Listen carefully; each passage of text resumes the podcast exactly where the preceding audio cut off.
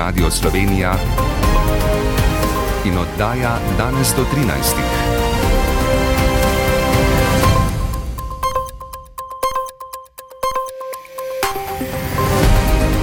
Ura je 13. Pozdravljeni. Predsednica republike Nataša Pirc-Musar je v predsedniški palači prevzela posle od predhodnika Boruta Pahorja.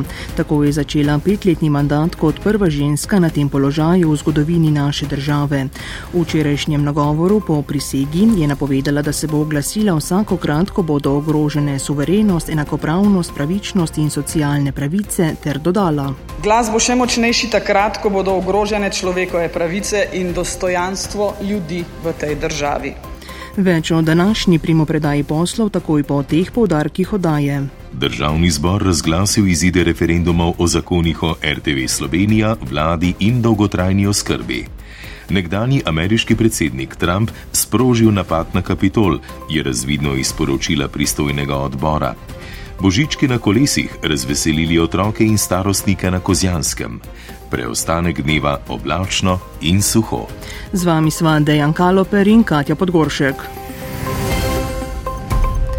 Predsednica republike Nataša Pirc-Musar je torej v predsedniški palači do povdne prevzela posle od zdaj že nekdanjega predsednika Boruta Pahorja in uradno začela petletni mandat. Predsednico je pričakala postrojena časna četa slovenske vojske. Več Jure Čepin. Nataša Pirc-Musar se je skupaj s soprogom Alešem Musarjem ob igranju policijske godbe sprehodila do vhoda v predsedniško palačo, kjer jo je šopkom rož pričakal dosedani predsednik Borut Pahor v družbi partnerke Tanje Pečar. V notranjosti palače sta po vnaprej določenem protokolu opravila krajši pogovor na štiri oči, Borut Pahor je na to palačo zapustil in še zadnjič pregledal častno enoto slovenske vojske. Gospod nekdani predsednik Republike Slovenije, častna enota Republike Slovenije je postrojena vaš čas in pripravljena za pregled. Po pregledu sta Pahor in Tanja Pečar pomahala z branim in se odpeljala. Nova predsednica pa se je s soprogom vrnila v predsedniško palačo, na pročelju katere od danes stoji tabla z napisom Predsednica Republike Slovenije. Je pa z današnjim dnem začela delovati tudi pisarna bivšega predsednika republike. Zakon o zagotavljanju pogojev za upravljanje funkcije predsednika namreč določa, da ima bivši predsednik republike pravico do pisarne in do dveh sodelavcev za obdobje enega leta po prenehanju mandata. Državni zbor je razglasil izide referendumov o zakonih o RTV Slovenija, vladi in dolgotrajni oskrbi, ki so jih voljivci potrdili novembra. Izidi bodo objavljeni v uradnem listu, na to bodo lahko začeli zakoni veljati. Poslanci SDS so obstruirali današnjo izredno sejo. Zato so se po besedah vodje največje opozicijske poslanske skupine Jelke Godec odločili, ker pritožniku še ni bila vročena odločitev vrhovnega sodišča. Kot je povedala, ne oporekajo izidom, ampak nasprotujejo pospešitvi postopkov. Predsednica parlamenta Urška Klakovčar Zupančič pa je pojasnila, da se pravnomočnost v tej zadevi začne s prejetjem odločitve sodišča, torej z dnem izdaje sodne odločbe, ker zoper to odločitev ni več možno redno pravno sredstvo.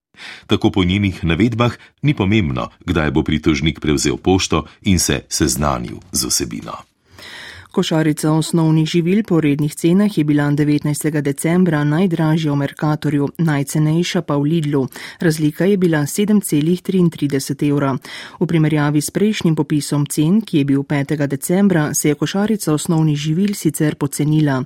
Ministrica za kmetijstvo Irena Šinko. Glede na prejšnji popis znižala za sicer 2,16 odstotka oziroma za 1,03 evra in znaša 44,16 evra. Od začetka spremljanja cen 13. septembra se je vrednost najcenejše košarice osnovnih izdelkov znižala za 5,74 evra. Tudi košarica sadja in zelenjave se je pocenila in sicer za 2,67 evra. Danes do 13. Slovenska diplomacija je spremenila podobo naše države v Evropski uniji in soseščini, saj smo spet prepoznavni kot zagovorniki evropskih vrednot, vladavine prava in človekovih pravic, je o pregledu dela doslej po majskem prevzemu mandata povedala zunanja ministrica Tanja Fajon. Najpomembnejše dejavnosti so se nanašale na napetosti v državah Zahodnega Balkana. Slovenija je prispevala k vrnitvi teme približevanja te regije uniji na mednarodno agendo ter vojno v Ukrajini. Uniji. Slovenska človekoljubna, gmotna in vojaška pomoč tej državi je dosegla 43 milijonov evrov. Ministrica Fajon.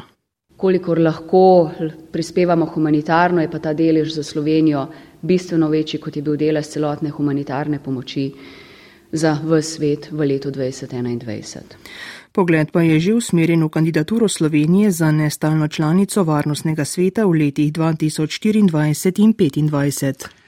Ruski predsednik Vladimir Putin je rusko invazijo na Ukrajino prvič v javnosti označil za vojno.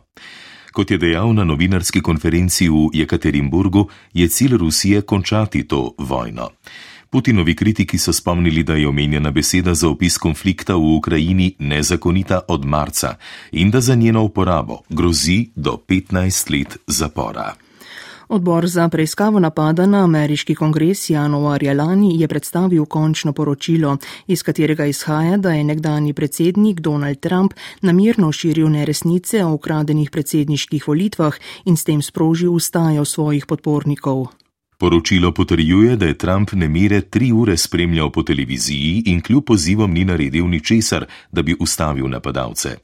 Iz poročila, ki sicer ni pravno zavezojoče, izhaja še, da se je nekdani predsednik že vnaprej odločil, da bo razglasil zmago, ne glede na uradne izide volitev. V poskusu ohranitve oblasti je s političnimi zavezniki svoj cilj poskušal doseči s pritiski na sodišča, Ministrstvo za pravosodje, zvezdne države in podpredsednika Majka Pensa, a pri tem na koncu ni bil uspešen. Potem, ko je Kitajska pred dvema tednoma, najverjetneje zaradi protestov, ukinila vse ukrepe ničelne tolerance do COVID-a, se je število okužb po državi močno povečalo. Število umrlih je sicer po uradnih podatkih še vedno izjemno majhno. Svetovna zdravstvena organizacija poziva Kitajsko naj jo natančneje in bolj sproti seznanja z novostmi. Na podlagi sicer nepreverjenih podatkov namreč ocenjuje, da so razmere v državi hujše, kot jih kažejo uradni podatki. Rajka Bervan življenje. Svetovno zdravstveno organizacijo še posebej zanimajo številke hospitaliziranih oseb in bolnikov v intenzivni negi. Njen generalni sekretar Tedros Gebriesus pa priznava, da so tudi druge države, ko so bili njihovi zdravstveni sistemi preobremenjeni, težko zbirale podatke.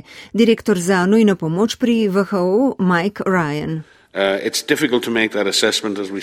Težko je oceniti razmere, saj nimamo celovitih podatkov o posledicah. Imamo veliko nepreverjenih poročil o pritisku na zdravstveni sistem, infekcijske klinike, vse bolj polnih oddelkih za intenzivno nego in urgencah ter o številnih bolniških odsotnostih. Namestnik direktorja urgence v pekingški bolnici Chao Yang Han Shui je za kitajsko državno televizijo povedal. V preteklosti smo imeli po približno 100 bolnikov na urgenci, zdaj pa jih imamo po skoraj 400 na dan. Gre za starejše ljudi s pridruženimi boleznimi.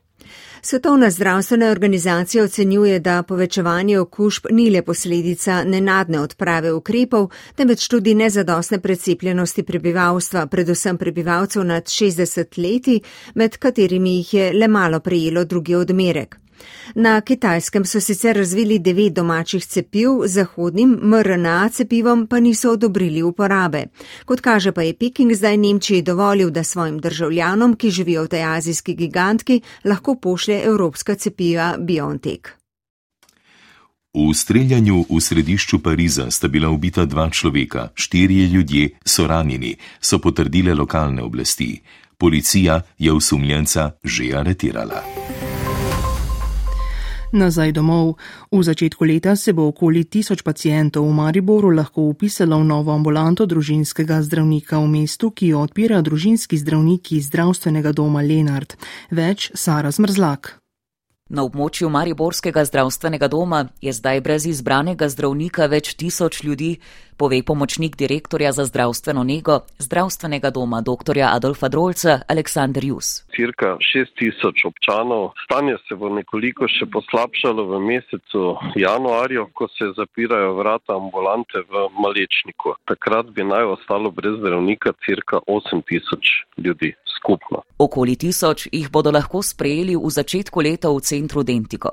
Kot pravi njegov direktor Vitomir Kostanjevec, se jim bo namreč februarja pridružil zdravnik Mik Rebrnik, zanimanje za upis pa je že zdaj veliko. Prosimo za potrpljenje in da se lahko eh, opredelijo in vpišejo šele z 20. januarjem. Res pa je, da v določenih ambulantah, kjer se interesenti pojavijo, tudi zapisujemo informativno evidenco, da jih potem lahko informiramo o možnosti vpisa. Drugi njihovi zdravniki imajo kapacitete že zapolnjene in upisujejo izjemoma le družinske člane že upisanih bolnikov. Če imajo v družini otroka, ki je postal polnoleten in izgubi možnost zdravljenja pri pediatru svojem dosedanjem, in kje lahko poiščejo pomoč občani brez osebnega zdravnika, ko gre za zdravstvene težave. V najbližji ambulanti, kjer živijo, deluje tudi naša enota za hitre preglede in dežurna ambulanta v urgentnem centru v UKC Maribor.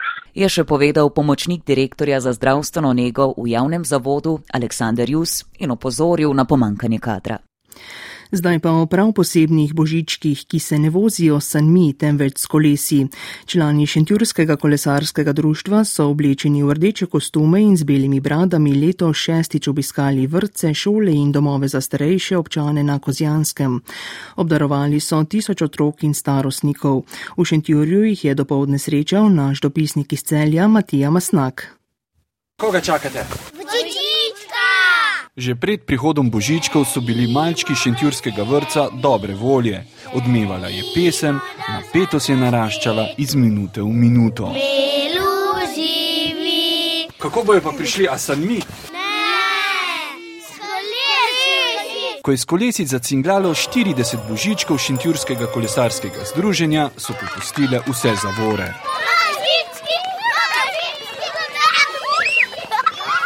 Ja, kako vas je lepo videti. A vi veste, kako je ime mojemu jelenčku? Rudolf, tako. Danes ga niste mogli pripeljati zraven, ker ni snega. Ne? Danes so prinesli sladkarije, jutri po domovih bodo darila najbrž bogatejša. Jutri pa ne pozabite, pustite mi odprta vrata, vredo, da mi ni treba čez dimnik. A ni zlata, ki bi nadomestilo toplino človeške bližine, v domu starejših so dobre može in tudi žene pričakali z aplauzom. Odlično. Taki dogodki v naš dom prinašajo na veliko veselje, povejo nam, da nismo sami, da smo pomemben del skupnosti. Pove direktorica doma starejših Šentjur Vesna Vodišek Razboršek. Zadnja beseda pripada glavnemu božičku Davorju Vrečku. Vsi so danes vzeli dopust in so, rekel, žrtvovali ta dan za nekaj lepega in to je, mislim, da največje plačilo, kar ga vidimo tukaj za mano, na smehi in res nekaj lepega.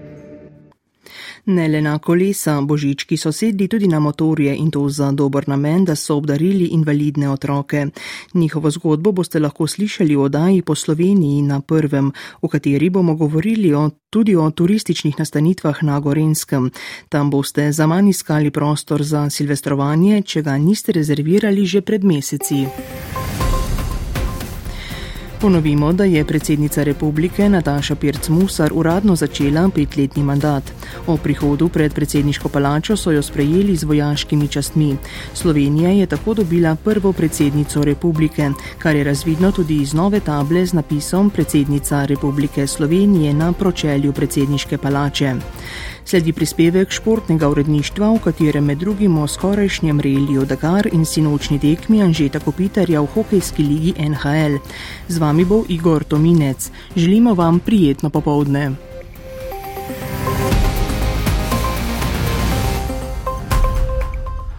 31. decembra se bo v Saudski Arabiji z 11-kilometrskim prologom začel 45. puščavski ustrajnostni reli Dakar.